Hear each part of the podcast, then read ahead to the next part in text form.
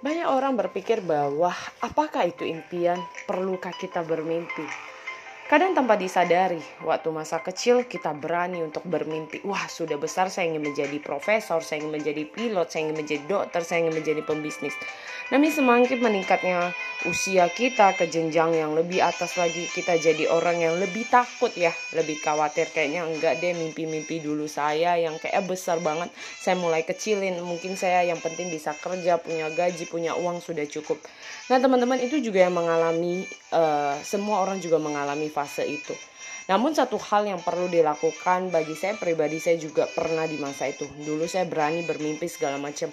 Di usia 25 segala macam itu mulai kayak ragu dengan kapasitas kemampuan diri sendiri.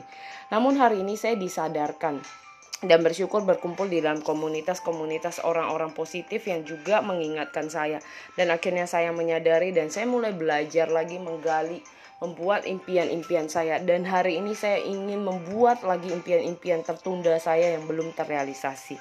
Hari ini yang mau saya sampaikan adalah teman-teman beranilah bermimpi. Bukan karena orang lain, bukan karena pasangan Anda saja. Namun berani bermimpi karena Anda punya kapasitas kemampuan itu dan tetaplah libatkan sang pencipta di dalamnya. Jadi tunggu apa lagi? Ingat buatlah impian Anda dan di next nanti episode saya akan sharing bagaimana cara membuat sebuah impian. Semoga bermanfaat dan salam sukses untuk kita semua.